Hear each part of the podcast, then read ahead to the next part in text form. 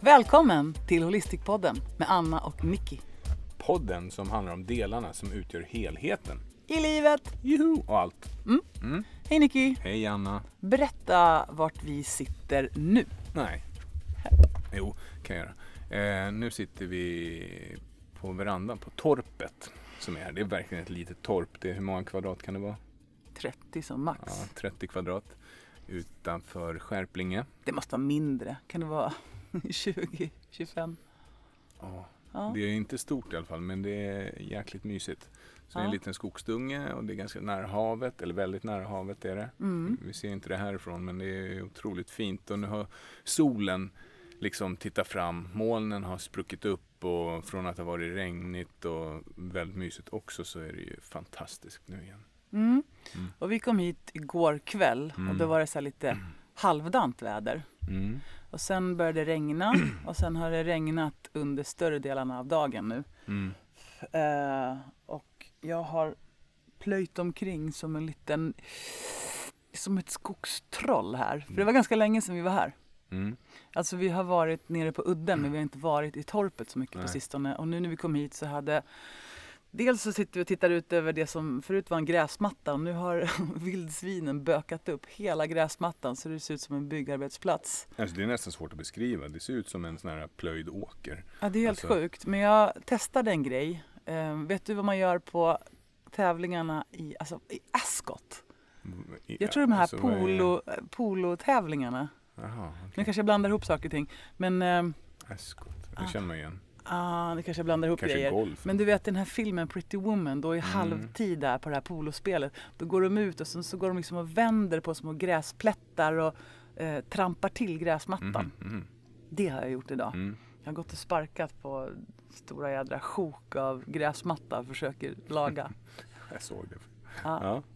I alla fall, men så här är vi nu. ehm, och det är ganska härligt. Ja. Och samtidigt så är det liksom en stor kontrast Ja. Till där vi var förra veckan. Mm. För vi var två veckor i Kroatien. Mm. Och jag tänker att allting är så turkost, kristallklart. Det är bad och det är sol eh, på ett härligt sätt. Mm. Och här är det lite mera, alltså jag har lortränder under naglarna och jag är svettig. Mm. Det är på ett annat sätt. Ja, och nu ska det bli varma dagar här framöver så att det kommer nog bli extra svettigt här. Det är en Mm. annan värme. Det det. Nu har jag ingen lust att gå och kratta varenda dag utan nu har jag lust att vara nere vid havet och åka båt och Asså, grejer. är det så? Mm, ja, absolut. Det känns som att när du kör igång så är det ingenting annat som gäller. Ja, jag Ja. blir så himla effektiv när jag kör igång. Mm. Jag såg en, eh, vet, eh, Mange, Magnus från, eh, från företaget Hero. Ja, japp. Han la ut den på LinkedIn. Så la han ut en liten så här, seriestripp. Mhm. Då var det någon, eh, en, en man som, ligger i, som sitter i en sån här eh, solstol. Mm. Och så kvinnan som står bredvid så här. Ja, nu har det gått två veckor av semestern och vi har inte gjort någonting. Bara legat och slappat ungefär. Mm. Ja, men är det inte det som själva semestern går ut på? Det hade kunnat vara du och jag. Mm. För det tycker inte jag att min semester går ut på. Nej. Jag hatar att ligga och slappa. Mm. Eh, Det ska hända saker. Hela ja, tiden helst. Ja, exakt. Mm. Precis. Sån är jag. sån är Absolut. Ja, verkligen. Hörru, hur har din vecka varit då? Min vecka har varit eh, Den har varit bra. Det har hänt ganska mycket saker och jag har ju eh, som jag kommer komma in på sen, kommer prata om vad jag, vad jag ska gå igenom om en månad ungefär. Och eh, sen så har jag fått svar från eh, MyHeritage, den här Mm. DNA-testet som jag gjorde. Som jag berättade om tidigare podd, om, som jag skulle göra. Så jag gjorde ett toppningstest, man toppar insidan av eh, kinden Topsar. topsar insidan av kinden eh, på vardera sida. Så skickar man iväg det till eh, DNA-labb. Och sen tog det så- fyra till sex veckor, det gick fortare än så. Så fick jag tillbaka resultatet på, på mitt DNA-test. Och jag heter ju Tramontana i efternamn så jag var ju helt övertygad om att det här kommer ju vara italienskt liksom och hej och hå och sådana saker. Men jag har fått förklaringar på det här. Mhm. Eh, och sen så, så är det så att min mamma är från Finland, pappa är från Kroatien. Mm. Eh, mer än så vet jag inte så himla noggrant. Och så fick jag tillbaka testet så här. Nicola Tramontana, du är. Och det här var så räkna. himla kul för Ja. du skickade ett print screen till mig. Ja. Och det var ju typ 50% Finland, 50% Balkan. Jag tänkte det hade Ja. jag kunnat tala om för dig för länge sedan. Ja, men Det så, var ju inte skitmycket att gissa sig till. nej, men, Wow! men sen var det 1,7 procent Eskimo. Det är därför du tycker så mycket om att äta sälögon och Ja, såna här grejer. ja. Det var ju överraskande. Valspäck och grejer. 1,7 procent inuit liksom. Ja. Men då förklarar man ju allt det här med hur de här vandringarna har gått och så. Det är ju långt tillbaka så då kom ju de från Grönland över Nordamerika, över Beringsund, över till Ja. Ryssland och sådär. Så kom de ju vidare till Finland och sånt. Så att där spridningen har gått. Och sen även på Balkansidan så är det ju Var det vanligt att man liksom vandrade den vägen så stannade man upp i Finland och förökade sig? Mm, jag tror att det, vad jag minns så var det så att det var väldigt vanligt. Sen knatade man vidare ner till Balkan. Ja, Mm. för, alltså, för att bada. Mm. Nej, inte vet jag, ingen aning. Men Balkansidan så är det så att syditalienskt och sånt, de, det är de samma DNA som finns i Grekland och som touchar in i olika delar. Den finska delen touchar in lite grann på Sverige och på Ryssland och sånt. Så det finns ju noggrannare eh, resultat också om man skulle vilja. Men det var, det var intressant. Och då hittade ju det här DNA-matchningar som de, människor som matchar mitt DNA Mm. så finns 12 500 personer i den första sökningen som liksom matchar till mitt DNA. Vilken stor familj du har nu. som det finns någon form av connection med. Det är helt galet ju. Ja. Jag tyckte det var så himla lustigt därför att när du fick det här Mm. och vi satt och kollade på det där på lunchen så slog det mig att du hade ju noll påbrå från Sverige. Nej men ja, noll påbrå som svenskt. ja, Men det, norra Sverige var ju med. Mm, precis. Mm. Ja, upp mot finska Ja. gränsen där, ja, Mm. precis. Men, men ändå, det blir, Mm. så, det blir så mindblowing på något Mm. sätt. Och så började jag fundera på eh, min farmor och min farfar och min mormor och min morfar, vad jag vet, Mm. Är allihopa födda och uppvuxna i Sverige av Mm. svenska föräldrar. Och då Mm. blir jag ännu mer nyfiken på men vad har jag? Jag vet att jag har vallonblod, det vet Mm. jag. Men, men mer än så liksom. Man blir ju... Men de har ju bott i samma by med 30 invånare sedan generationer tillbaka. Det är därför jag har tre öron. Ja. Ja. Men, eh, men förutom det så är jag ändå nyfiken. ja.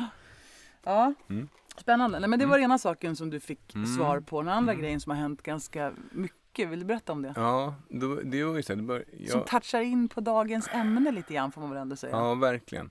Det är så att jag har gått och dragits med besvär i mina höfter i ganska många år och jag har kunnat hålla det i schack i, i egenskap av naprapat, kunna göra ganska mycket med, med smärtan och verken som har varit och eh, men de senaste två åren så har det bara blivit värre och värre och värre. Mm. Det har liksom eskalerat till sån grad att det stör nattsömnen. Jag måste äta smärtstillande för att palla med eh, liksom vardagen. Mm. Och när jag har tränat lite extra hårt så gör det sjukt ont. Det strålar ner i knäna, i höfterna, ute i benen. Gör ont i ryggen. Sjukt ont. Så till slut så, så sa du åt mig här för, för ett år sedan ungefär att Mm. nej nu får du fan ta och röntga höfterna. Du Du hade förklarat ungefär samma smärtproblematik för mig 348 gånger. Mm. Eh, då kände jag att jag Mm. kan inte ge dig något annat svar just nu. Nej, så då röntgade jag höfterna och då kom eh, det svaret som egentligen både du och jag hade gissat på. på något sätt. Då sa de så här, "Nej, men du har eh, artros i båda höfterna på grund av en vanlig överbelastningsskada som idrottare har som sysslar med kampsport och distansidrotter som heter FAI, Femoral, Femoral Acetabular Impingement Syndrome som betyder att man får en pålagring på lårbenshalsen som i Mm. sin tur skapar inflammationer kring eh, ledhuvudet och ledkapseln kan man säga. Mm. Mm. Och då, då var det så här, fy fasen, shit vad ska jag göra åt det här? Så tänkte jag, men jag, jag, jag fortsätter, jag, jag kör på manuellt. Och det visade sig att jag hade diskbråck också. Mm. Otroligt långt ner i ryggen. Men eh, de gav inte så mycket symptom eftersom man har tränat så mycket. Mm. Så det var bra. Och så för några månader sedan så tänkte jag att nej, nu måste jag göra någonting åt sakningen. Och jag har kommit i kontakt med en grupp som heter Nord Nordens Hippies. som eh, då, Hip står för höft då, Ja. inte för att de är eh, frisläppta flummare. nej. Mm. Men det finns ju olika sätt att gå tillväga då med det Mm. här. Och Stefan Sauk har varit ganska så tydlig med det här senaste tiden och pratat om den här metoden som inte används så mycket i Sverige just nu. Men den kallas för hip resurfacing eller Birmingham hip replacement, eh, resurfacing. Eh, och det är något som kallas för ytersättning. Du har ju studerat och läst på eh, under lång tid Ja. eh, och sökt vetenskaplig bakgrund och förankringar och du har pratat med människor så har ju verkligen forskat på det här. Ja, alltså jag är 43 år gammal. Jag vill kunna fortsätta använda mina höfter och mina ben. Jag vill kunna springa, jag vill kunna idrotta, jag vill kunna röra på mig obehindrat. Eh, och jag vill inte vänta tills jag är 10 eller 15 år äldre tills mina höfter är totalt utslitna för att få en sån här total hip replacement, alltså sån här traditionell där man slår in en märgspik in i lårbenet, sågar av lårbenshalsen. Total eclipse of the heart. Ja, och då finns det då en metod där man bara ersätter ytorna, ledytorna i princip. Den görs inte så ofta i Sverige och den kräver mycket träning av de som gör det. Och de som gör de här sakerna, de är utomlands. Mm. Eh, det finns några enstaka i Sverige men de har inte, de inte jobb, de jobbar inte jättemycket med det. Och den här resurfacing-killen, pappan till hela... Eller är inte pappa, men han som är en av de absoluta experterna inom det här, Mm. som heter Dr. Koen de Smet. Han eh, huserar i Belgien, eh, i Gent. Och där kommer jag att utföra den här operationen på båda höfterna om mindre än en månad. Mm. Och hur känns det Ja, då? ja alltså Ärligt. helt ärligt, från början när jag tänkte kring det här tänkte jag, ja men det är lugnt, det är lugnt. Sen när det börjar komma, nu ska jag fylla i alla de här dokumenten, jag ska liksom köpa flygbiljetter och boka boende och hela den här biten. Då blev det ju så att då började jag känna mig ganska orolig och nervös. Och eh, jag är inte en så himla orolig person. Nej, inte, inte till en viss gräns kan man väl säga. Du Nej. håller ganska många saker ifrån dig Mm. och du är ganska duktig på att liksom Mm. finnas där för andra, Mm. för mig bland annat. Ja, Men, men ibland, ibland så. ja, ibland kickar det in. Ja. Och det är när jag upplever det som, jag kallar för, som man kallar för kontrollförlust. Precis. Det är så att jag måste ju ställa mig under någon annans kontroll nu. Mm. Jag måste ju då, jag har aldrig blivit nersövd, jag kommer sövas ner, jag kommer att behöva äta massa mediciner i, i samband med det här för Mm. att liksom minska. Och det är ju något som jag aldrig behövt göra. Jag har aldrig liksom varit skadad på riktigt sådär. Jag har haft idrottsskador men aldrig brutit någonting, aldrig behövt operera mig, aldrig behövt göra några särskilda ingrepp. Mm. Och så händer det här. Och varför jag gör det, det är ju för att jag, den här går bara att göra på unga personer egentligen. Så att det kallas för idrottsprotes då. Ja, men det är väl också så att om du väntar längre nu, Mm. då kommer det bli för sent. Exakt, ja men det är det. Det Mm. blir för sent. Men inte bara knutet till din ålder utan också hur, hur pass mycket det har utvecklats. Liksom, ja, och oavsett. jag har inget brosk kvar i någon av mina höftleder. Nej. Så att, så, det, så det är lite grann nu eller aldrig. Ja. Liksom. men det är imponerande ändå att det går att springa. Alltså jag kan ju springa hyfsat bra. Det går, inte, Mm. det går inte att springa lika fort längre. Det är någonting som jag har märkt. Nej, det har jag också märkt. Ja. ja men det är liksom att det går inte att få benen till att göra det på samma vis. Taskigt. Du var ju med mig ute och sprang Ja, men- med Kroatien. Ja men pulsen var ju inget, alltså jag kollar på pulskurvan, den är ju lugn. Du var ju sjukt långsam. Nej, inte sjukt långsamt. Jo, Ja men ah, ja, den där gången när jag fick så jävla ont, det var absolut, men ah, okej, shoot me. Skulle jag gjort då. Å andra sidan så var du sjukt snabb. Jäklar vilken spurt du fick till. mm, Mm. det var ju taskigt. Ja, nej, det tycker jag inte. Jag tycker det är helt rätt. Du skulle inte behöva dras med mig där. Nej. Men, så det, det, det liksom tappar in på dagens ämne. Och dagens ämne är Oro. oro. Ja, Vi ska prata om oro. Och det är ganska spännande därför att eh, du är en sån här person som söker fakta och information ja, jättemycket. för att få kontroll. Precis, för att få kontroll. Men när du då berättar för mig om detaljerna Mm. i allt det här. Först kommer du göra det här, och sen kommer du göra det här och sen kommer du använda de här Mm. preparaten. Mm. Då börjar jag känna så här att det där hade jag inte velat veta. Nej, jag har kollat på operationer, hela operationer av det här och verkligen så här riktiga live-grejer. Och, ja. ja, nej men det, det skapar trygghet hos mig för då vet jag vad som kommer hända. Sen behöver jag läsa statistik om vad, hur många som mår bra av det här, hur det går. Och så- Mm. Och det här är så himla lustigt därför att På tal om veckan som har gått då, så har vi Mm. också flugit flygplan. Mm. Och det är ju en sån här sak som jag önskar att jag var skitbra på. Mm. Eh, men det är jag uppenbarligen inte utan det finns en oroskomponent Mm. där hela tiden. Mm. Och då har jag ju en kompis Mm. som är kapten, kapten Anna, pilot. Eh, och henne får jag kontakta då och då och liksom ringa till. Mm. Och, eller texta med. Och um, det är så, det är så, det är så kluvet. Mm. Därför att På vilket sätt? en komponent är ju liksom att jag tycker att det är eh, total kontrollförlust. Liksom. Jag har ingen kontroll. När jag går och sätter mig i planet och spänner fast bältet då känner jag att du kan inte göra något. Det är väl det som är så sjukt jobbigt. Mm. Och samtidigt så är jag så sjukt fascinerad av flygning. Ja. Eh, och jag har fått åka med fram några gånger. Och då är man ju helt uppslukad av det här alltså, aerodynamiken och Mm. allt som de kan och det är farter och höjder och hastigheter och alla deras säkerhetsrutiner. Det är sjukt fascinerande. Mm. Så det är en sån här blandad grej. Mm. Men jag har svårt för att kontrollera min oro helt Mm. enkelt. Mm. Så det ska vi prata om Yes. idag. Mm. Ehm, och oro är ju någonting som vi har med oss. Mm. Alltså oro är ju Jaha. Ja. Okej. en naturlig Mm. och livsviktig del att ha. Fight flight systemet liksom. Ja, Mm. precis. Alltså vi har ju sedan urminnes tider en del i våran hjärna, Mm. reptilhjärnan, Mm. som är skapt för att vara stark, snabb, kraftfull och söka potentiella faror och hot i tillvaron. Mm. Eh, och den här delen är mycket, mycket viktigare för oss än att vi ska vara sådär härligt avkopplade och lyckliga och obekymrade. Mm. Därför att det är det här som har fått oss att överleva. Mm. De som inte var så oroliga, Mm.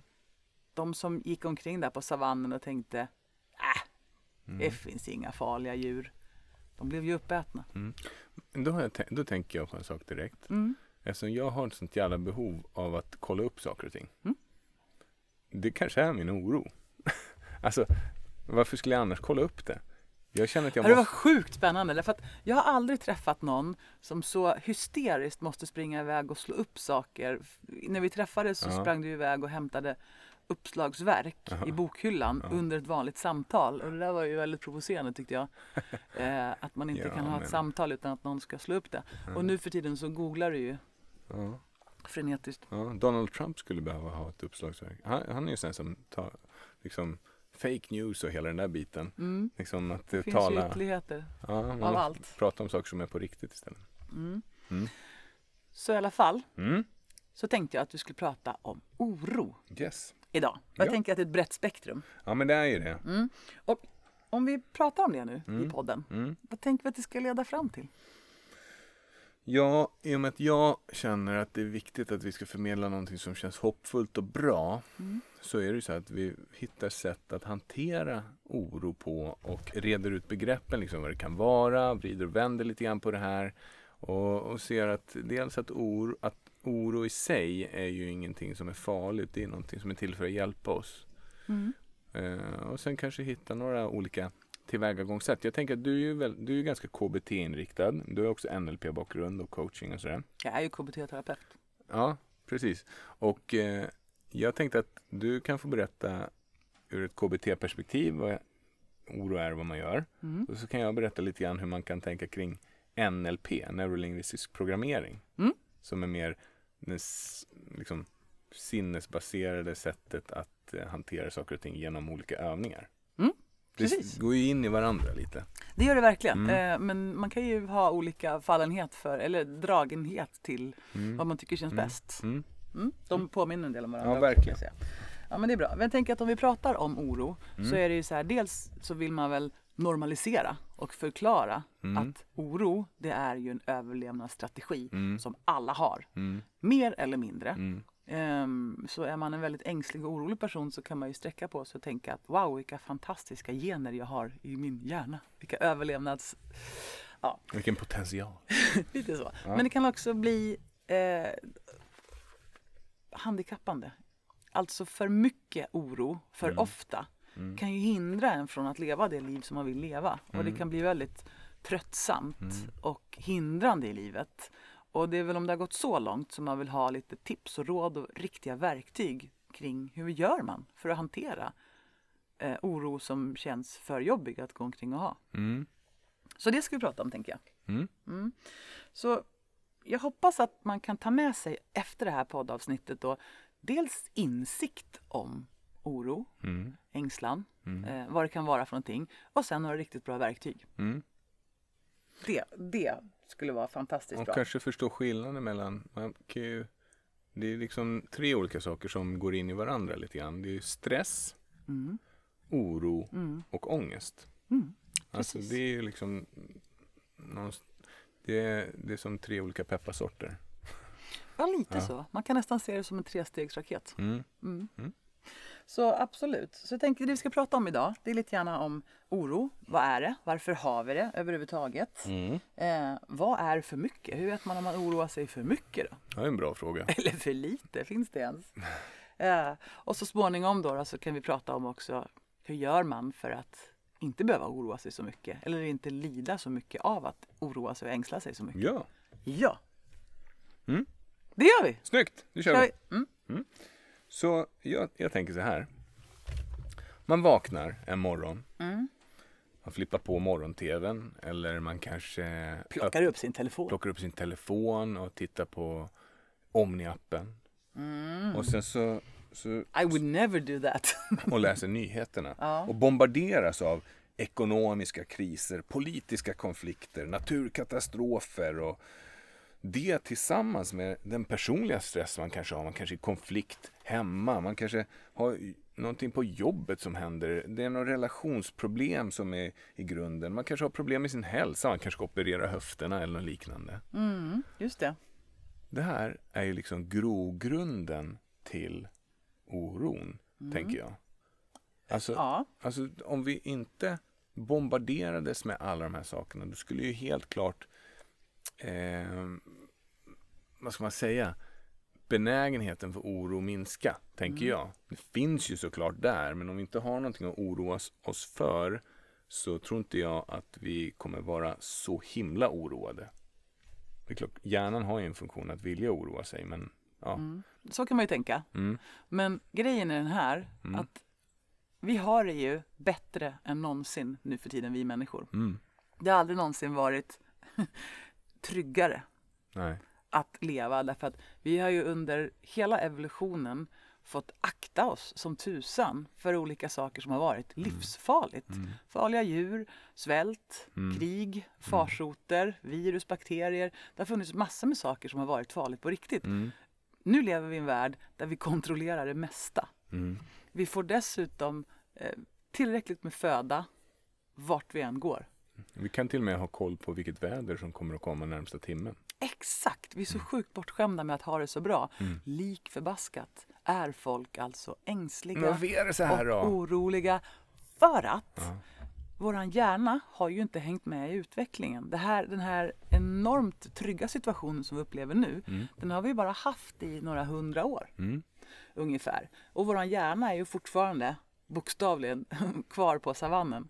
Mm. Det vill säga, eh, vi har ju genetiskt odlat fram en hjärna som är ängslig. Fem gånger så bra på att se problem, katastrofer och försöka förutse vad som skulle kunna hända. Mm. Jag hörde ett citat idag och nu har jag tyvärr inte lagt på minnet vem det var som sa det, men det var väldigt fint. Det var en Mm. orolig person. Det var Mm. en författare som sa Mitt liv var fullt av katastrofer som aldrig inträffade.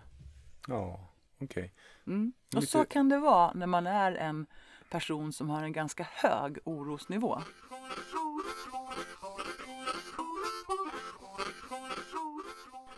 Hur ska det gå? Oavsett om det handlar om globala hot eller helt vanliga vardagsfadäser kan det vara bra att ha ett vaksamt öga riktat mot framtiden.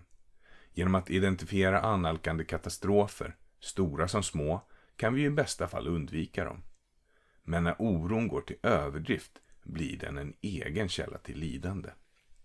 Det är, det är till exempel bra att uppmärksamma om vi är på väg att bli sjuka, men för personer med hälsoångest har oron för sjukdomar blivit katastrofalt jobbig. Personer med hälsoångest oroar sig för allvarliga sjukdomar så mycket att det hindrar dem från att leva sina liv fullt ut. Det får stora konsekvenser för dem själva, men också för deras familjer och närstående, säger Erik Hedman, psykolog och forskare vid institutionen för klinisk neurovetenskap på Karolinska institutet. Som har specialiserat sig på att förstå och hjälpa denna grupp. För personer med hälsoångest leder vanliga symptom som ont i magen, huvudvärk eller små muskelryckningar lätt till oro för att ha drabbats av cancer eller andra svåra sjukdomar som ALS eller multipel skleros. Enligt Erik Hedman lider ungefär 3-4% av befolkningen av hälsoångest och gruppen är kraftigt överrepresenterad bland sjukvårdssökande. Runt 20% av alla som söker vård har en förhöjd oro för hälsan, uppskattar han. Orostankar kring andra teman plågar också personer med ångestdiagnoser som social fobi, paniksyndrom och tvångssyndrom. Personer med generaliserat ångestsyndrom, GAD, lider istället av en mer allmän oro och fastnar lätt i grubblerier kring exempelvis karriärsval, studieresultat, ekonomiska problem eller att något hemskt ska hända deras barn. Kort sagt sådant som de flesta kan oroa sig för i vardagen, fast mycket mer. Men enligt Erik Andersson, också psykolog och forskare vid institutionen för klinisk neurovetenskap, besväras många människor av överdriven oro utan att det för den skull motiverar en psykiatrisk diagnos. Gemensamt för alla former av överdriven oro är en stark ångest eller rädsla som upplevs som svår att kontrollera. Oro är en del av många ångestdiagnoser men det är också allmänmänskligt. Om man känner att man missar saker i sitt liv, att man till exempel inte kan vara riktigt närvarande med sina barn för att man är upptagen av att oroa sig, ja, då kan det vara en idé att söka hjälp för att må bättre, resonerar han. Det är en fin balansgång mellan att ha normal oro, som också kan vara jobbig, och det forskarna menar med överdriven oro. Oro är en beteendekedja där man hoppar mellan katastroftankar och tröstande tankar. Först kommer en orostanke på något som kan gå fel. Sen försöker personen tänka ut en lösning för att må bättre. Det kan lugna i stunden, men problemet är att det inte dröjer länge för nästa katastroftanke kommer. Tänk om det ändå inte fungerar. Och så fortsätter spiralen. Personen blir väldigt upptagen av oron och det är väldigt uttröttande tillstånd att vara i. En mer fruktbar strategi är enligt Erik Andersson att lära sig att leva med tanken på att saker faktiskt kan gå åt skogen. Då behöver orospiralen aldrig sätta igång. Det kan verka motsägelsefullt, men för att minska sin oro behöver personen tänka mer, inte mindre, på det den oroar sig för. Men är inte oron i vissa fall en del av vår personlighet som vi får leva med? Det är sannolikt så att ärftlighet förklarar en viss del av variationen i orosbenägenhet mellan individer och en viss grad av oro är av värde för individen. Men det är inte till särskilt stor klinisk hjälp att förklara oro med att man har en orolig personlighet, säger Erik Hedman. Men han har ändå undersökt kopplingen mellan personlighet och oro i sin forskning. I en studie visade han att graden av neuroticism, tendensen hos en person att erfara negativa känslor, varaktigt minskade hos personer som behandlats mot hälsoångest. Då neuroticism anses vara en av de faktorer som utgör vår personlighet kan resultaten tolkas som att de oroliga studiedeltagarna faktiskt genomgick en personlighetsförändring. Det viktigaste att ta med sig från forskningen, oavsett om du bara har en släng av ytlig oro eller är djupt orolig typ, är dock att det går att lära sig att bli mindre orolig. Det fungerar. Effekterna är stabila under lång tid och ställer inte till med några andra problem. Det finns helt enkelt hjälp att få, säger Erik Hedman.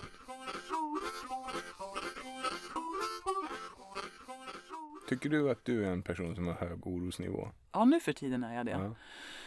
Ehm, När började det då? Ja, men det är så lustigt för jag upplever att jag var precis tvärtom som, som yngre.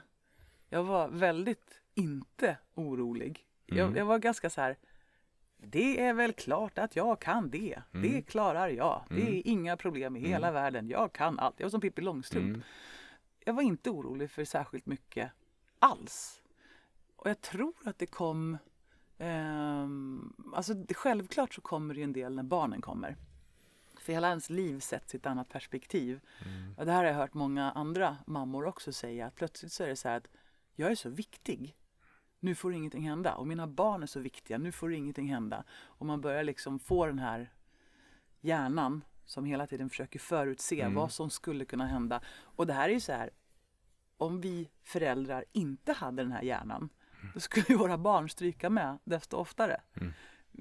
Vi- får ju våra barn tryggade och säkrade genom att försöka se eh, oj oj, en flytväst här vore bra. Eller en cykelhjälm. Eller de ska inte springa ut i trafiken när de är små. Ja, men en balans däremellan också. Mm. Därför, ja, okej, man ska inte låta dem springa ut i trafiken när de är små, men det är ju väldigt lätt att det går till överdrift. Det vill säga, vi människor har alltid lärt oss av våra misstag. Mm. Alltså livets skola är det absolut viktigaste kan jag tänka mig. Mm. Att du vet att om jag, nu, nu kommer ett extremscenario här. Om du går ut i trafiken och så håller du nästan på att bli överkörd. Mm. Då kommer du lära dig extremt mycket av den situationen för du blir väldigt, väldigt rädd Mm. och kommer akta dig för bilar resten av ditt liv, mest troligt. Mm. Eh, och hjärnan programmeras ju på det där sättet. Genom att bli utsatt för peak states, Mm. alltså när saker och ting händer kraftfullt, då, då programmerar hjärnan in de här sakerna och ankrar in det. Mm. Och då blir du ju lättare styrd, alltså per, av autopiloten. Mm.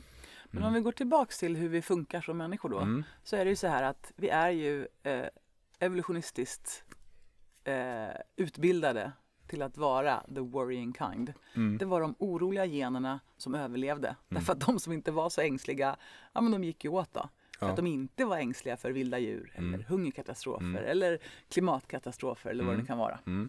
I alla fall. Så att, eh, på det här sättet funkar vi och det är Mm. ingenting som vi kan rå för. Nej. Utan vi har den här förmågan och den är kraftfull och vi har ju en förmåga då att se saker framför oss som skulle kunna hända men ännu inte har hänt. Och hjärnan får upp en bild och den skiljer inte på om det är en verklig bild som jag tittar på eller om det är en bild som jag har hittat på. Utan vårt fysiologiska system går ju igång Mm. såklart. Mm. Så ehm, oro Mm. kan ju också eskalera till ångest så småningom. Mm. Och kan ju till och med eskalera till en panikattack. Det gör inte alltid det. Men en Nej. panikattack är ju liksom en extrem anpassning till stark oro. Mm. Nu händer någonting, jag måste förbereda mig för att antingen slåss för livet eller fly för livet. Jag får fram en sån bild av så materialstress. Du, Okej. vet, du vet om du har metall, Mhm. så en metallbit och så böjer du på den. En gång händer ingenting, två Mm. gånger händer ingenting. Till slut så börjar den liksom vekna Mm. och till slut blir stressen alldeles för hög och då, klick, då knäcks den av. Och Mm, det är liksom, det, stressen är ju det här som du utsätter metallen för. Mm. Oron den börjar skapas när det börjar bli märken. Det börjar liksom synas att den börjar bli försvagad. Mm. Och så kommer ångesten, det är när den knäcks av. Då blir det Mm. liksom, pff, shit vad ska jag göra? Mm. Fast det fina är att även om du har fått ångest och panik så är du inte av och trasig. Mm. Det kan man göra med metall också, man kan svetsa ihop. Precis. Ja. Så har du märkt en grej? Mm, vadå? Att våran hjärna Mm, skapar tankar oavbrutet. mm. Har du märkt Ja, det? men ibland märker jag det alldeles för mycket. Det är vad hjärnan gör. Mm. Den skapar tankar hela, hela, hela tiden. Ibland är man medveten om det, Mm. ibland är man omedveten om det. Eh, och det händer ju saker hela tiden. Hjärnan kommer att reagera på alla de här tankarna som vi skapar. Mm. Eh, och en spännande övning det är att sätta sig ner en stund, ta fram penna och papper Mm. och sen bara skriva ner allt som man faktiskt märker att man tänker. Mm. Det här brukar man ju bli varse när man någon gång försöker meditera. Om man har fått den här uppmaningen att nu ska du meditera och inte tänka alls. Bara det är ju en tanke i sig. Nu ska jag inte tänka en tanke. Ja, gud, oj, det kommer inte upp några tankar alls i mitt huvud. De har redan tänkt en är en tanke, om tanke. att, eh, ja. Exakt. Mm. Eh, och det här är ganska spännande därför att om man sätter sig ner och bara liksom noterar vad man tänker. Det kan ju vara allt möjligt. Mm. Här sitter jag och ska försöka tänka inga tankar. Hade jag en tennistid idag? Handlade jag förresten? Sen ska jag borsta tänderna. När ringde Joakim egentligen? Mm. Det här kan ju bara... Alltså det är bara, tänk dig vilket nonsens. Jag, jag minns när jag var liten, så här, åh man skulle vilja kunna läsa tankar. Mm. Shit, Åh, vad trött man skulle bli. Mm. Tänk så mycket nonsens Mm. som liksom bara finns där. Och så tänker man så här att vilka sorters tankar är det som leder till oro? Mm. Är det positiva tankar eller är det negativa tankar? Ja, det här är intressant. Vad Mm. tänker du då? Vad menar du? Ja, vad tror du? Vad tror Ja, du jag är ingen big believer av positivt tänkande till att börja med. Det låter ju konstigt. Det Ja. borde ju du förespråka. Ja, eller? men jag är, ett, jag är en big believer av starka, kraftfulla tankar. Mm. Men inte av positivt tänkande. Alltså, alltså, man kan inte övertänka någonting till... Alltså, om du tycker att någonting är tråkigt så är det det. Det är en känsla som du upplever på grund av de Mm. värderingar och filter som du har kring de här tankarna. Men, och då kan man säga, jo det är roligt. Eller om någonting är asäckligt, nej det är jättegott. Det går inte att positivt tänka sig till att det ska vara gott. Nej. Utan man behöver liksom gå in mer på djupet. Mm. Och det som kan vara väldigt giftigt Mm. det är att tänka att oh, de här tankarna får jag inte ha för de är negativa. Ja, ja, pr- Ja, precis. För Bra. då blir det ett hot i sig. Ja, då blir man orolig för det. Åh, vad mycket negativa tankar jag har. Mm. Så om du, om du ska testa en grej då. Mm, mm. Om du tänker så här. Jag är bäst på allt. Lätt. Alltså jag är så jävla bäst. Eller så tänker du så här. Jag skojar. Jag är sämst på allt. Mm. Eller så tänker du så här. Jag är bra på vissa saker och jag är dålig på andra saker. Det här är riktigt intressant.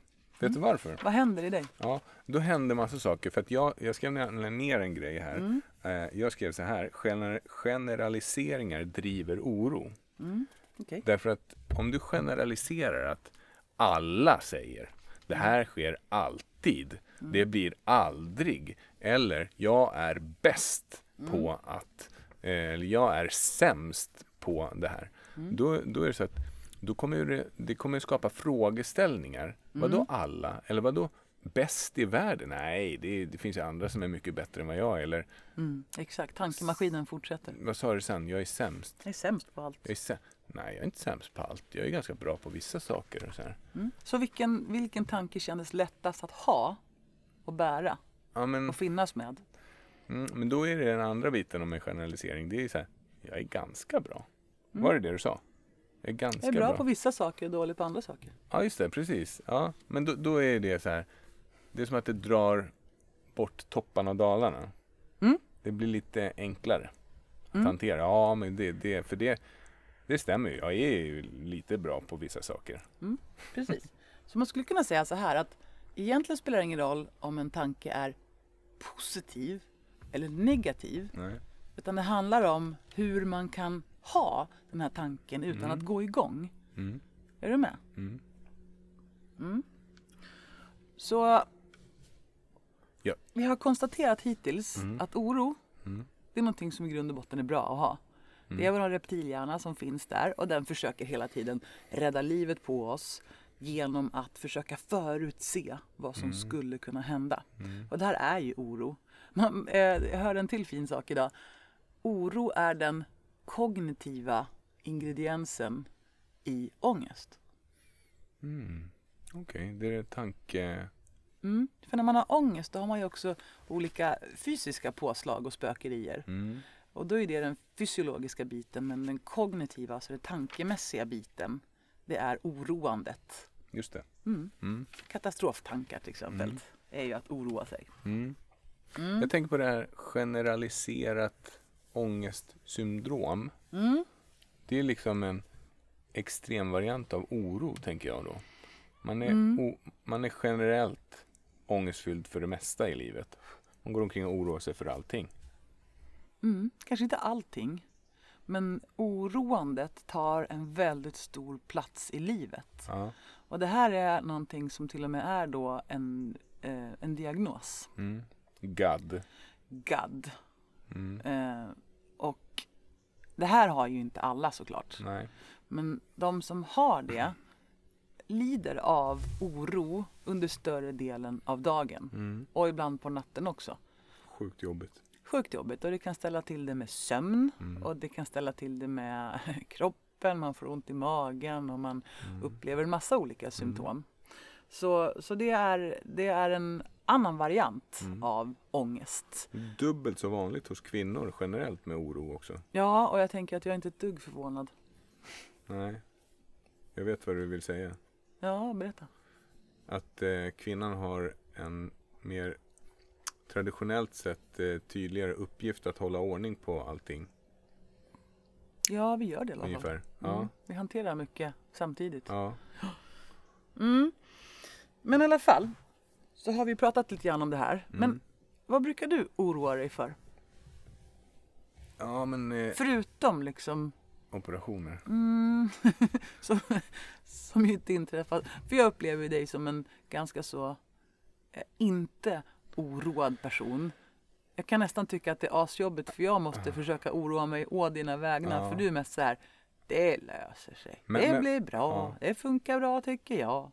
Nu ska du få höra det här, men berätta inte för någon annan att du har hört det här. Mm? Grejen är den att jag känner mig orolig emellanåt. Mycket oftare än vad du tror. Men, Tror gre- du? men grejen är att jag vill inte oroa dig. och Jag vill Mm. inte oroa min omgivning. Okej. Jag tycker jag brukar märka på dig. Ja, det Mm. gör du. Men inte när du själv är orolig för då har du inte de filtren riktigt ute tror jag. Det har jag fullt upp själv. Ja. Mm. Och som jag oroar mig för andra. Till exempel. det, det är saker som jag kan oroa mig för. Mm. Och sen kan jag oroa mig för ekonomi. Hur andra mår liksom. Ja, hur andra mår. Eller jag tar ansvar då. Försöker ha koll på det. Och... Ja, men det är din grej. Du tar Ja. stort ansvar för hur andra Så mår. och har det. Precis, och det där är så himla knepigt för jag känner att det har med empati att göra. Jag blir, jag blir så himla jag blir ofta själv berörd när folk liksom har ont eller behöver hjälp. Då känner jag att då vill jag hjälpa dem. Mm. Jag kan ibland känna liksom smärtan. Och Mm. det, det, då, ja. Mm. och i och med att jag känner att jag ofta kan ha koll på det här. Jag Mm. vet vad som behöver göras. Mm. Så, så kan jag hantera det också. Hantera din oro menar du? Ja, Mm. eller, ja, ja precis. Hur tror du folk hanterar oro när de liksom försöker dämpa oron själva? Vad tror du är vanliga beprövade metoder? Ta en sup. Jajamän. Ja. Vad mer? Träna. Träna. Mm. Äta. Jajamän. Surfa. Mm. Shoppa. Ja, Ja, men, ha i- sex ja, absolut. Ja, ha sex. Mm. Ja. Mm. Ish. Ja, det Nej kanske är, ja, okej. Ha Mm. orossex. Det låter ju sjukt osexigt. Alltså Nej, riktigt. det är inte så det funkar. Men om man, om man, om man har väldigt mycket Nej, men oro jag tror att man stark- har självsex. Det tror jag kan, i alla fall hos, eh, hos män. Talar du om dig själv då? Nej, men jag tror att jag, nu generaliserar jag och tänker att eh, många män missbrukar de bitarna. Mm. Mm, jag tror det. Och eh, det är så här, jag har ju ett, ett särintresse. Det är ju missbruk och beroendeproblematik. Mm. Och där är ju en del som driver missbruk. Det är ju oro och stress Mm. och ångest. Och ett sätt att försöka då dämpa den här det är att eh, bruka sitt miss, alltså missbruk, att använda missbruket som det. Mm. Och eh, det leder ju till fördärvet oavsett vilket missbruk det är. Oavsett om det är sex eller porr eller alkohol eller shopping eller relationer Mm. så blir det skit av det. Mm. Om Så man inte kan ha koll på så här det. att Mm, eh, när man upplever någonting som är obehagligt mm, då kommer ju hjärnan mm, att få en impuls att vilja fly, det vill säga vill bort från det obehagliga. Mm. Vad ska jag göra? Den frisätter kortisol och adrenalin. Och då kan man ju ta till olika saker för att slippa det här. Mm, Och då har du samtidigt förstärkt mm, någonting. mm, Att ja, men jag mår skit, men om jag shoppar då mår jag bättre. mm. Och då kommer det beteendet att fortsätta. För att shoppingen eller det andra beteendet ger en momentan dopaminkick. Ja. Och det man pratar om det är jakten som ger det här. När du är ute på stan och shoppar aktivt, Mm. liksom hittar plagg, Mm. då frisätts dopaminet. Men sen när du Mm. kollar på bankräkningen Mm. efter att du har gjort det här Mm. shoppingen, Då, Då slår ångesten till med ångest. oron. Ja, visst Mm. så är det. Min mamma frågade precis mig, ska du med på auktion? Och jag kände så här, ja, auktion, det vill jag gå på. För det, det är sällan jag känner, eh, alltså jädra vad det drar igång. Jag får puls och jag går igång och Mm. jag är som en jägare som ska fälla ett Mm. byte och man står där och ropar på det här och så när man får det så bara ja! Ja, sen står det där med fem backar skit. Exakt, imorgon ska jag åka till, till eh, Tippen eh, och slänga skit. Återhämtningen sa du, men återvinningen Ja.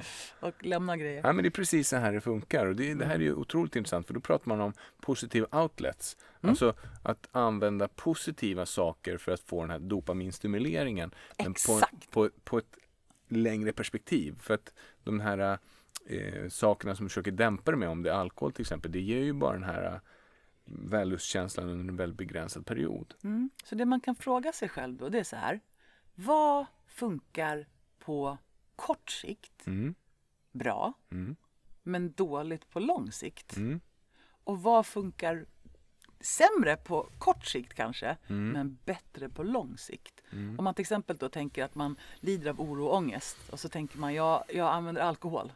mm, För då, då känns det lite lättare så här Mm. på en gång. mm. Ja, absolut. Det gör det ju. På kort, kort sikt så funkar det ju. Du, Mm. får en, eh, du, du tar av topparna Mm. på känslan och upplevelsen. Men på lång sikt så har man ju sett att det faktiskt ökar oron Alkohol Och skulle nog kunna toppa det här som sämsta nästan. och droger. Ja. Eh, och på lång sikt så får du även då de fysiska, vad ska man säga, Manifestationerna. manifestationerna, tack för ordet, av att använda någonting som inte funkar bra på lång Mm. sikt. Om man istället då tar en sån sak som träning. När det gäller folk som har mycket oro och ångest så kan Mm. man ju då träna sig i fördärvet nästan Mm. för att hålla det här borta. Mm. Medan vi vet ju också att träning funkar Mm. I måttlig mängd. Ja, och, Och det är en sån sak som är bra kanske då både på kort sikt därför Ja. att du får en lättnad men också på lång sikt har man ju Ja. sett att på en hjärnnivå så fungerar det. ja. Även meditation och mindfulness och Mm. acceptans Mm. är ju någonting som fungerar bra på lång sikt Mm. har man sett. Mm. Men det kanske inte har lika snabb effekt som till Mm. exempel en drog av Nej. any kind. Det är så här KBT-perspektiv tycker jag. Mm. Liksom alla de här ACT, alltså acceptance, commitment therapy och precis så heter det. Meditation och Mm. min- eller mindfulness då kallas det inom KBT. Mm. Det är verkligen eh, saker som man kan göra för att hjärnan ska må så bra som möjligt. Mm. Eller hur? Absolut. Vad kan man göra för att kroppen ska må så bra som möjligt då?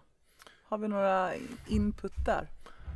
Ja, alltså dels så kan man ju faktiskt göra saker som är lugnande. Vi vet ju att när vi blir utsatta för eh, bra rörelse, beröring, Mm. så frisätts ju ett, ett, eh, en signalsubstans, ett hormon, ett hormon som heter oxytocin. Mm. Och oxytocin, det gör ju att vi slappnar av. Alltså muskulaturen slappnar, ökar läkningen och eh, De blir lugna också. Ja, så när, eh, positiv närhet Mm. är ju jättebra. Mm. Mänsklig beröring, toppenbra. Så att, att gå på massage, Mm. klockrent. Att utöva till exempel yoga, Mm. så, där du använder kroppens olika vävnadslager och stimuleras liksom inifrån för att skapa ett lugn. Mm. Där du andas och du rör kroppen.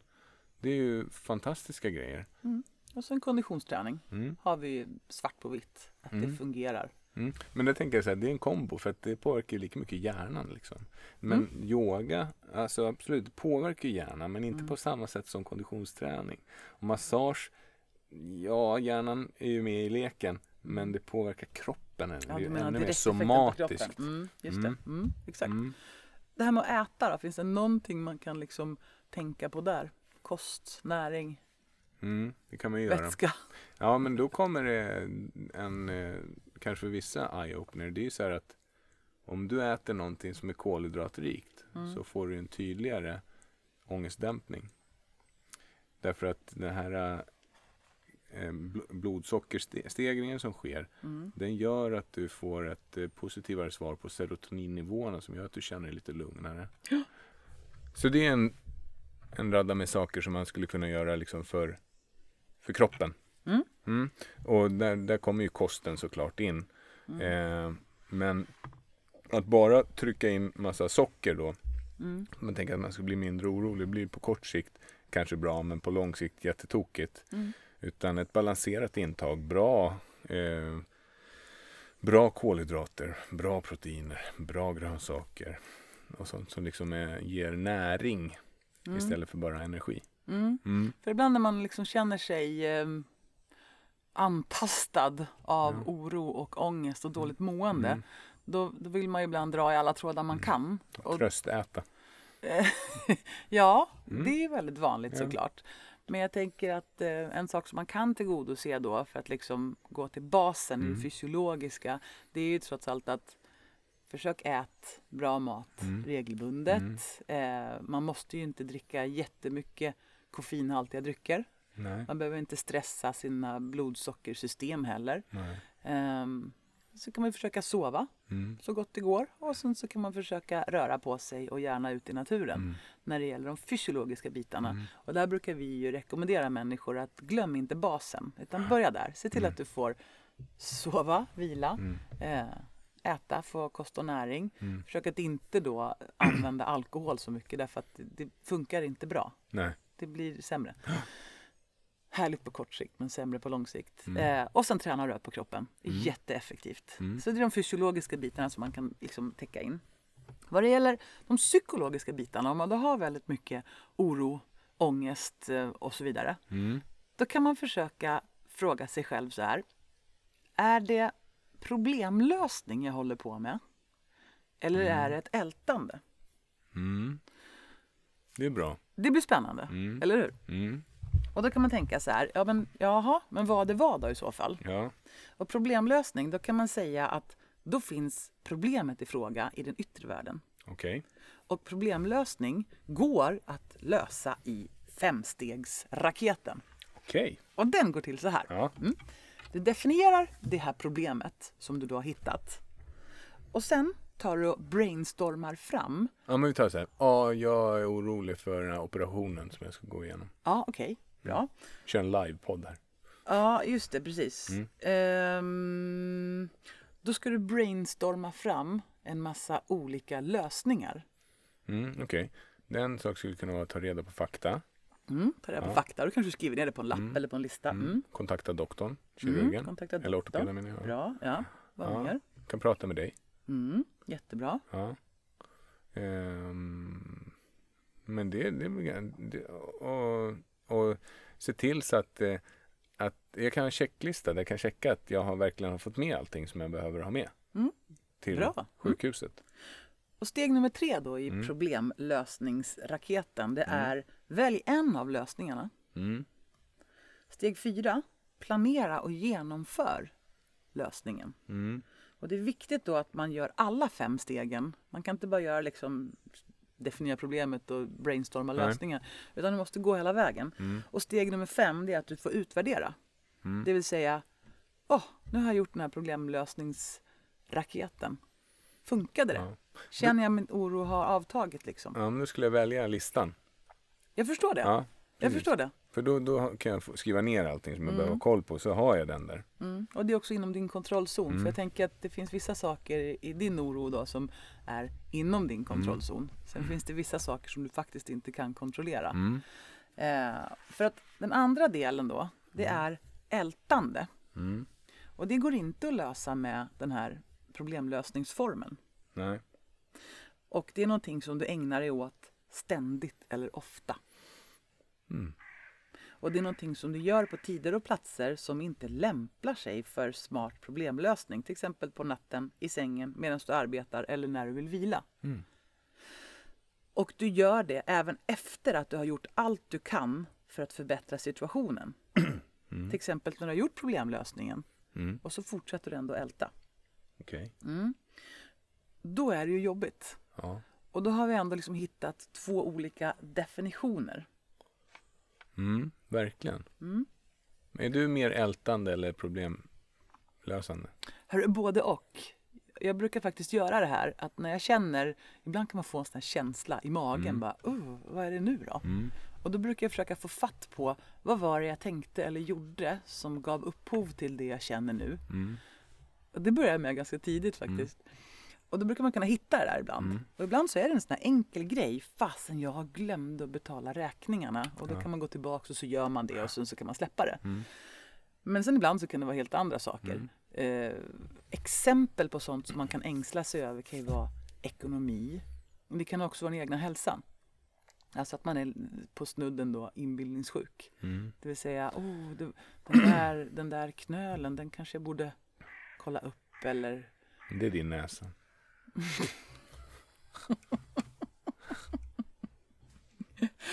Ja, Ja. till exempel. Eller Mm. man kan oroa sig för sina barn.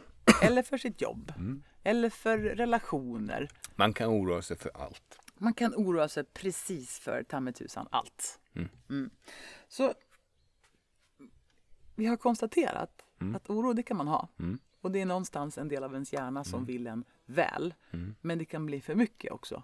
Och om man då känner att man har för mycket Mm. eh, och konstaterar att man kanske kan använda problemlösningsformen. Det kanske Mm. löser biffen och i så Mm. fall är det ju fantastiskt. Mm. Men om det är ett ältande, Mm. då finns det lite olika saker som man kan göra. Mm. Och för människor som kommer till mig och pratar och har väldigt mycket vana av att eh, ängsla sig Mm.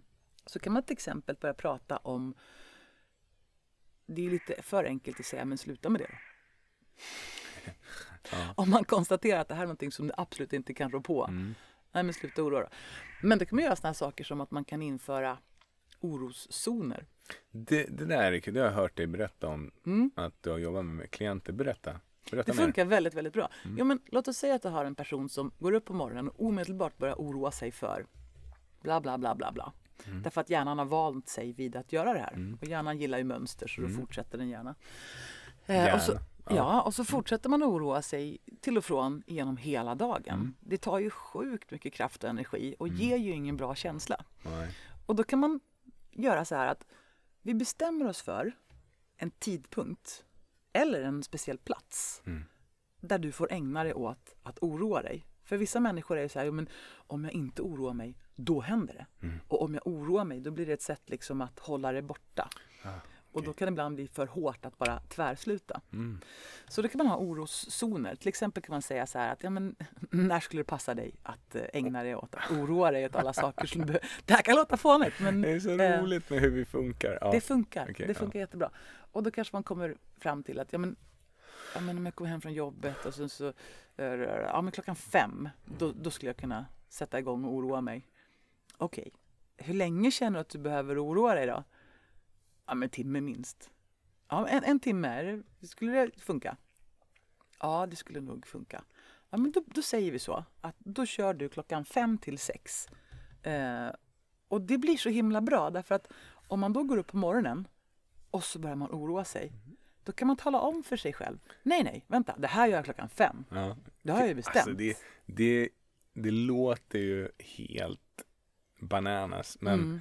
men jag förstår logiken i det verkligen. Det funkar och det funkar Ja. dessutom ganska snabbt. Därför att då har du ett svar till oroshjärnan. Ja. Ja, ja, du ska få, men inte just nu. Vi tar det sen. Eh, och då går oron ner Mm. ganska snabbt. Man kan också bestämma att nej, men jag går bara till det här rummet och Mm. oroar mig. Mm. En klient som jag jobbade med ett tag sa att men det bästa stunden är egentligen när jag sitter på min cykel till och från eh, jobbet. Jaha. Så då började vi skoja och sa ja, men, nej, men ska jag hoppa upp på orocykeln. och eh, det funkar också jättebra. Mm. Mm. Så det är ett sätt. Att Coolt. börja begränsa Mm. oroandet. Mm. Och hjärnan tänker i mönster, den funkar liksom repetitivt. Mm. Så när man gör en sån här förändring, då går ju mängden oro ner väldigt fort. Jag tänker att det skapar en sak till. Mm. Kontroll. Du har ju koll på oron plötsligt. Mm. Det är det du som har koll på också. oron. Nu ska jag sätta mig ner och verkligen oroa mig. Det ger ju inte samma impuls till våran eh, reptilhjärna Nej, som att faktiskt vara livrädd på riktigt. jag tror att det kan vara svårt att oroa sig då också. Ja. Ja. Nu ska jag oroa mig. Vad ska jag oroa mig om? Mm. Mm. Mm, så kan det faktiskt Häftigt, vad vara. kul, bra. Så den är intressant. Så Mm. är man en person som känner att man har väldigt mycket oro, prova problemlösningsformeln eh, och prova på ältandet att göra zoner. Mm. Och om man är en sån här som håller på och ängslar sig på natten och tänker att man ska lösa problem då, Mm. ta för vana att ha ett litet block och en penna. Mm. Och så tänker du att nu släpper jag det här till blocket och pennan Mm. och så lovar jag att jag ska oroa mig för det sen, Mm. när det är orostid. Så kan man skriva upp alla saker som man tycker var viktigt. Mm. En annan bra sak som touchar in på ditt ämne, jag på att säga, Mm. som NLP. touchar in på NLP. Ja. Jag är ju också NLP-coach. Ja. Det är det här med att välja sina ord. Mm. Neurolingvistisk programmering handlar ju väldigt mycket om hur orden vi väljer påverkar vår neurologi, alltså vår Mm. hjärna Mm. och vårt mående. Ehm, Programmering handlar ju om våra automatiska beteenden och tankar. mm, Mm. precis. Så att, att använda ett neutralt språk, Mm. lite grann som den här övningen som jag gjorde med dig där i början.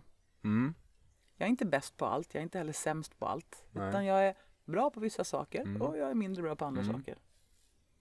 Så att man använder orden för vad det är Mm. och kallar det för vad det är. Ja, så kan du ge mig några exempel på hur det här med valet av dina ord liksom påverkar oss? Alltså verkligen. Mm. Eh, om man får en krypande känsla av oro, Mm. då betyder det att vår reptilhjärna har plockat upp hot. Mm. Hot om fara, hot om katastrof, hot om förnedring eller vad det nu kan vara för någonting. Mm. Och då kan det vara bra att zooma ut. Vad, vad är det jag tänker? Vad är det Mm. jag säger just nu? Mm. Eh, ett fantastiskt exempel, det, det är det här. Mm. Ett värderande språk skulle vara att säga Jag är en tjock och korkad idiot! Det kanske är lätt hänt att man säger så till sig själv inne i huvudet. Mm. Mm. Om man då har sinnesnärvaro nog att zooma ut och bara vänta nu. Att använda ett icke-värderande språk, Mm. Hur skulle det låta då? då skulle det låta så här. Jag är en kvinna som väger 85 kilo och jag vet inte svaret på den här frågan. Ja, det skapar ju direkt en känsla av acceptans. Alltså mer. Eller hur? Ja. Det ger ett annat lugn. Kan du Så- läsa en till? Eh, absolut. Det kryper i hela kroppen och jag mår så dåligt att jag inte står ut en enda sekund till. Oj, vad jobbigt. Ja, det är ett värderande och starkt och Ja. kraftfullt språk. Ja. Eh, men om man zoomar ut lite grann så kan man skilja på saker och ting. Känslan är ångest och tanken som jag har just nu är att jag inte står ut en enda sekund till. Okej, så man får liksom istället för att göra en stor bara blaffa av det hela så blir det liksom tydligare. Ja, och det magiska är så här. Du har tankar hela tiden. Mm. Det betyder inte att de är sanna. Nej.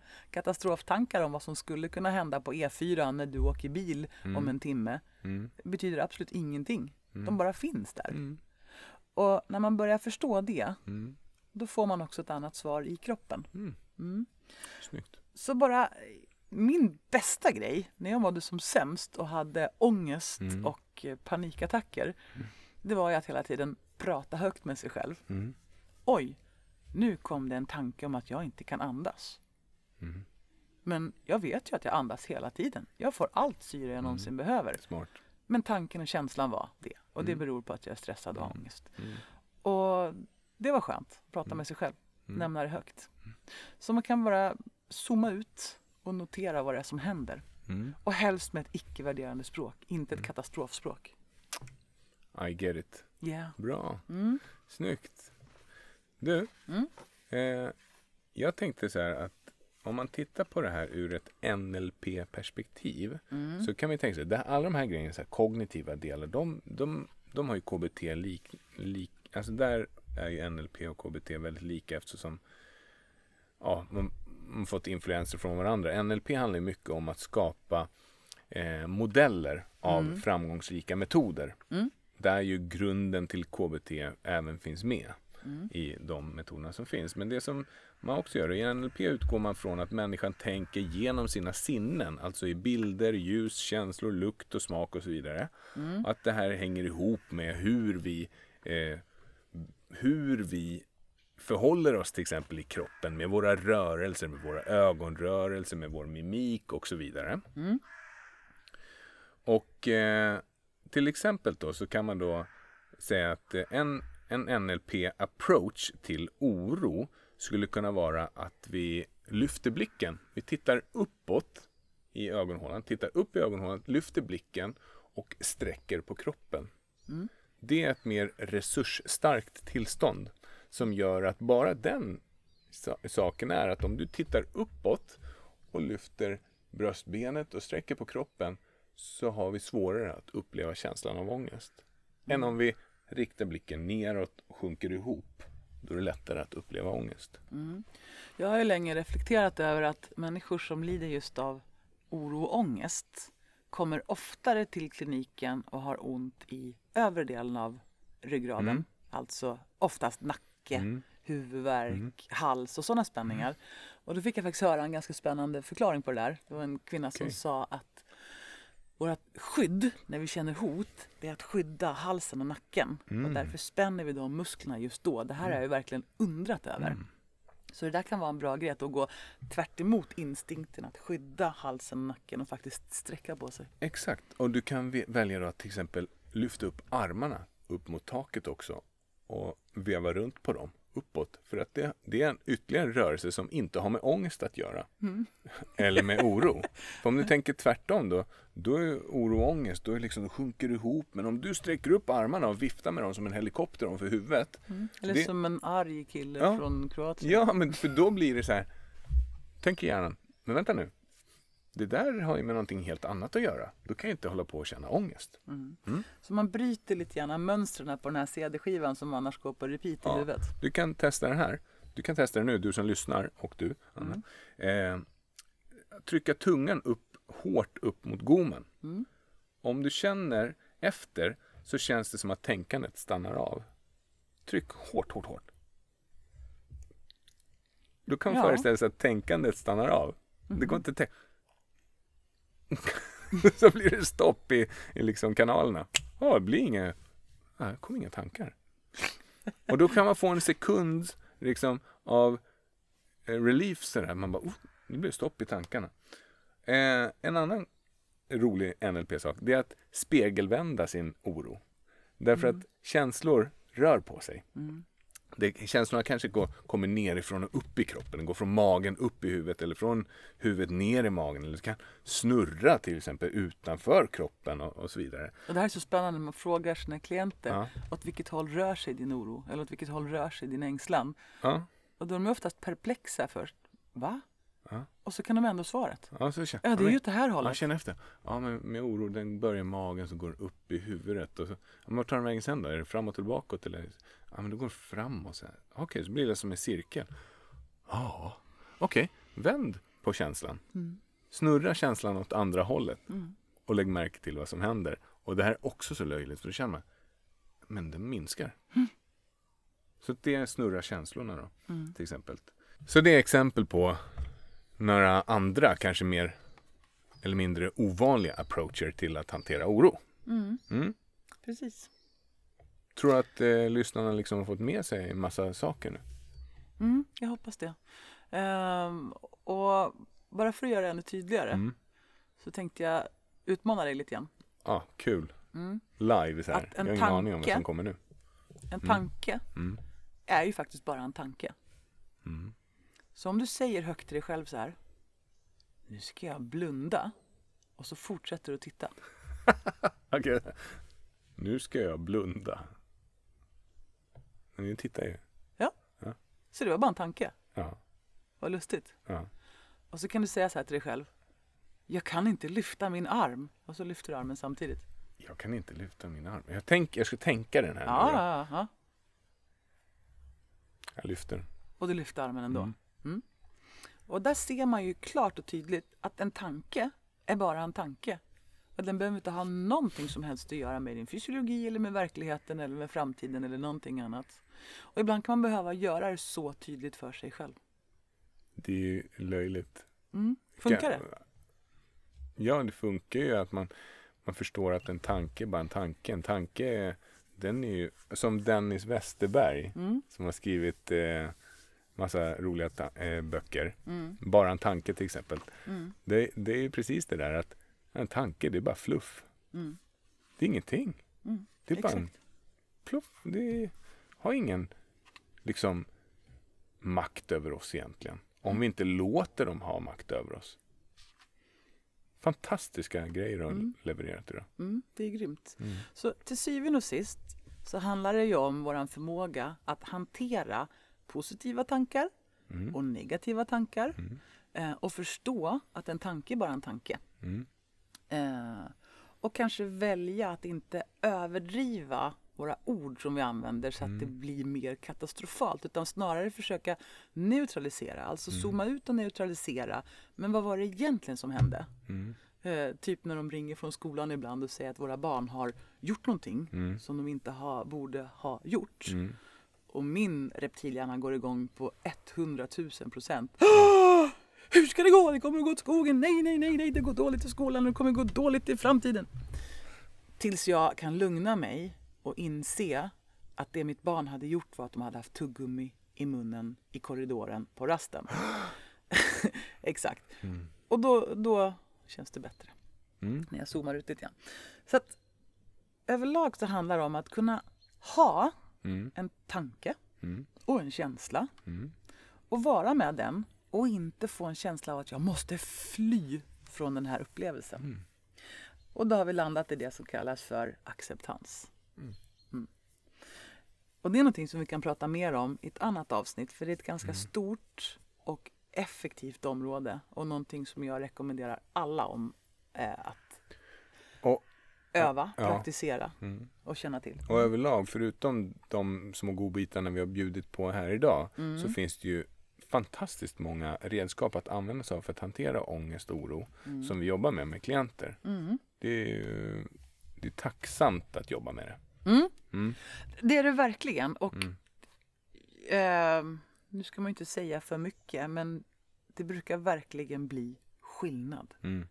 Ganska snabbt faktiskt. Sen får man jobba på ett tag också. Mm. Jag kan ju uppleva att jag får jobba dagligdags liksom, med vissa saker. I alla fall i perioder. Mm. Så jag har två boktips. Mm. Och det Kul. första och främsta boktipset, den absolut bästa boken jag någonsin har läst eh, om oro, Mm. heter 29 sidor mot oro och är skriven av Kerstin Geding. Mm. J-E-D-ing. Och det är just 29 sidor i en väldigt liten bok. Det är till och med lite bilder och grejer. Så det här är en lättläst bok. Man kan ta ett kapitel i taget och Mm. den är grym. Så den tycker man ska läsa. Sen kan man läsa eller lyssna på Oro, att leva med tillvarons ovisshet av Mm. Anna Kover. Mm. Eh, och jag har lyssnat på den här boken och jag tycker att hon läser så behagligt Mm. och berättar om någonting som egentligen är intressant för alla människor att lyssna på men som är högintressant för människor som oroar sig mycket Mm. eller kanske har ångest.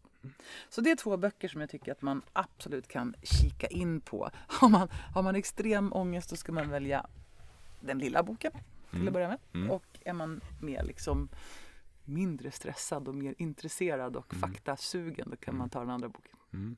Mm. Häftigt. Ja. Mm. Det här är någonting som ligger mig varmt om hjärtat. Mm. Därför att jag träffar många människor som oroar sig en hel del. Mm. Och det tar på krafterna. Det. Och det går att göra någonting åt det här. Mm. Det finns det svart på vitt forskningsresultat som visar.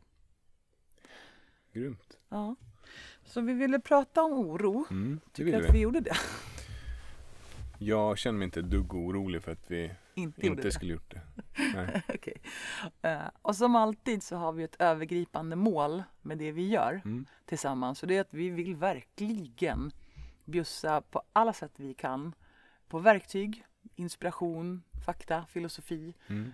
till att få må bättre. Mm. Vi vill påverka människors mående till det bättre. Mm. Och att ha mycket oro är jobbigt. Så Det är oroligt. det är oroligt. Mm. Så ett delmål då i det här stora målet, liksom lifet. Att hitta sitt härliga liv. Mm. Det kan ju vara att reflektera lite grann över det här. Mm. Om man tycker att det är aktuellt. Vrida- Känner jag oro? Ältar jag? Mm. Eller? Kan jag applicera den här problemlösningsformeln i mitt liv? Eller? Men bara att, att eh, lägga märke till det och att observera det leder oftast till att du får lite nya perspektiv vilket gör att den negativa emotionella laddningen minskar. Mm. Mm. Så kan det vara.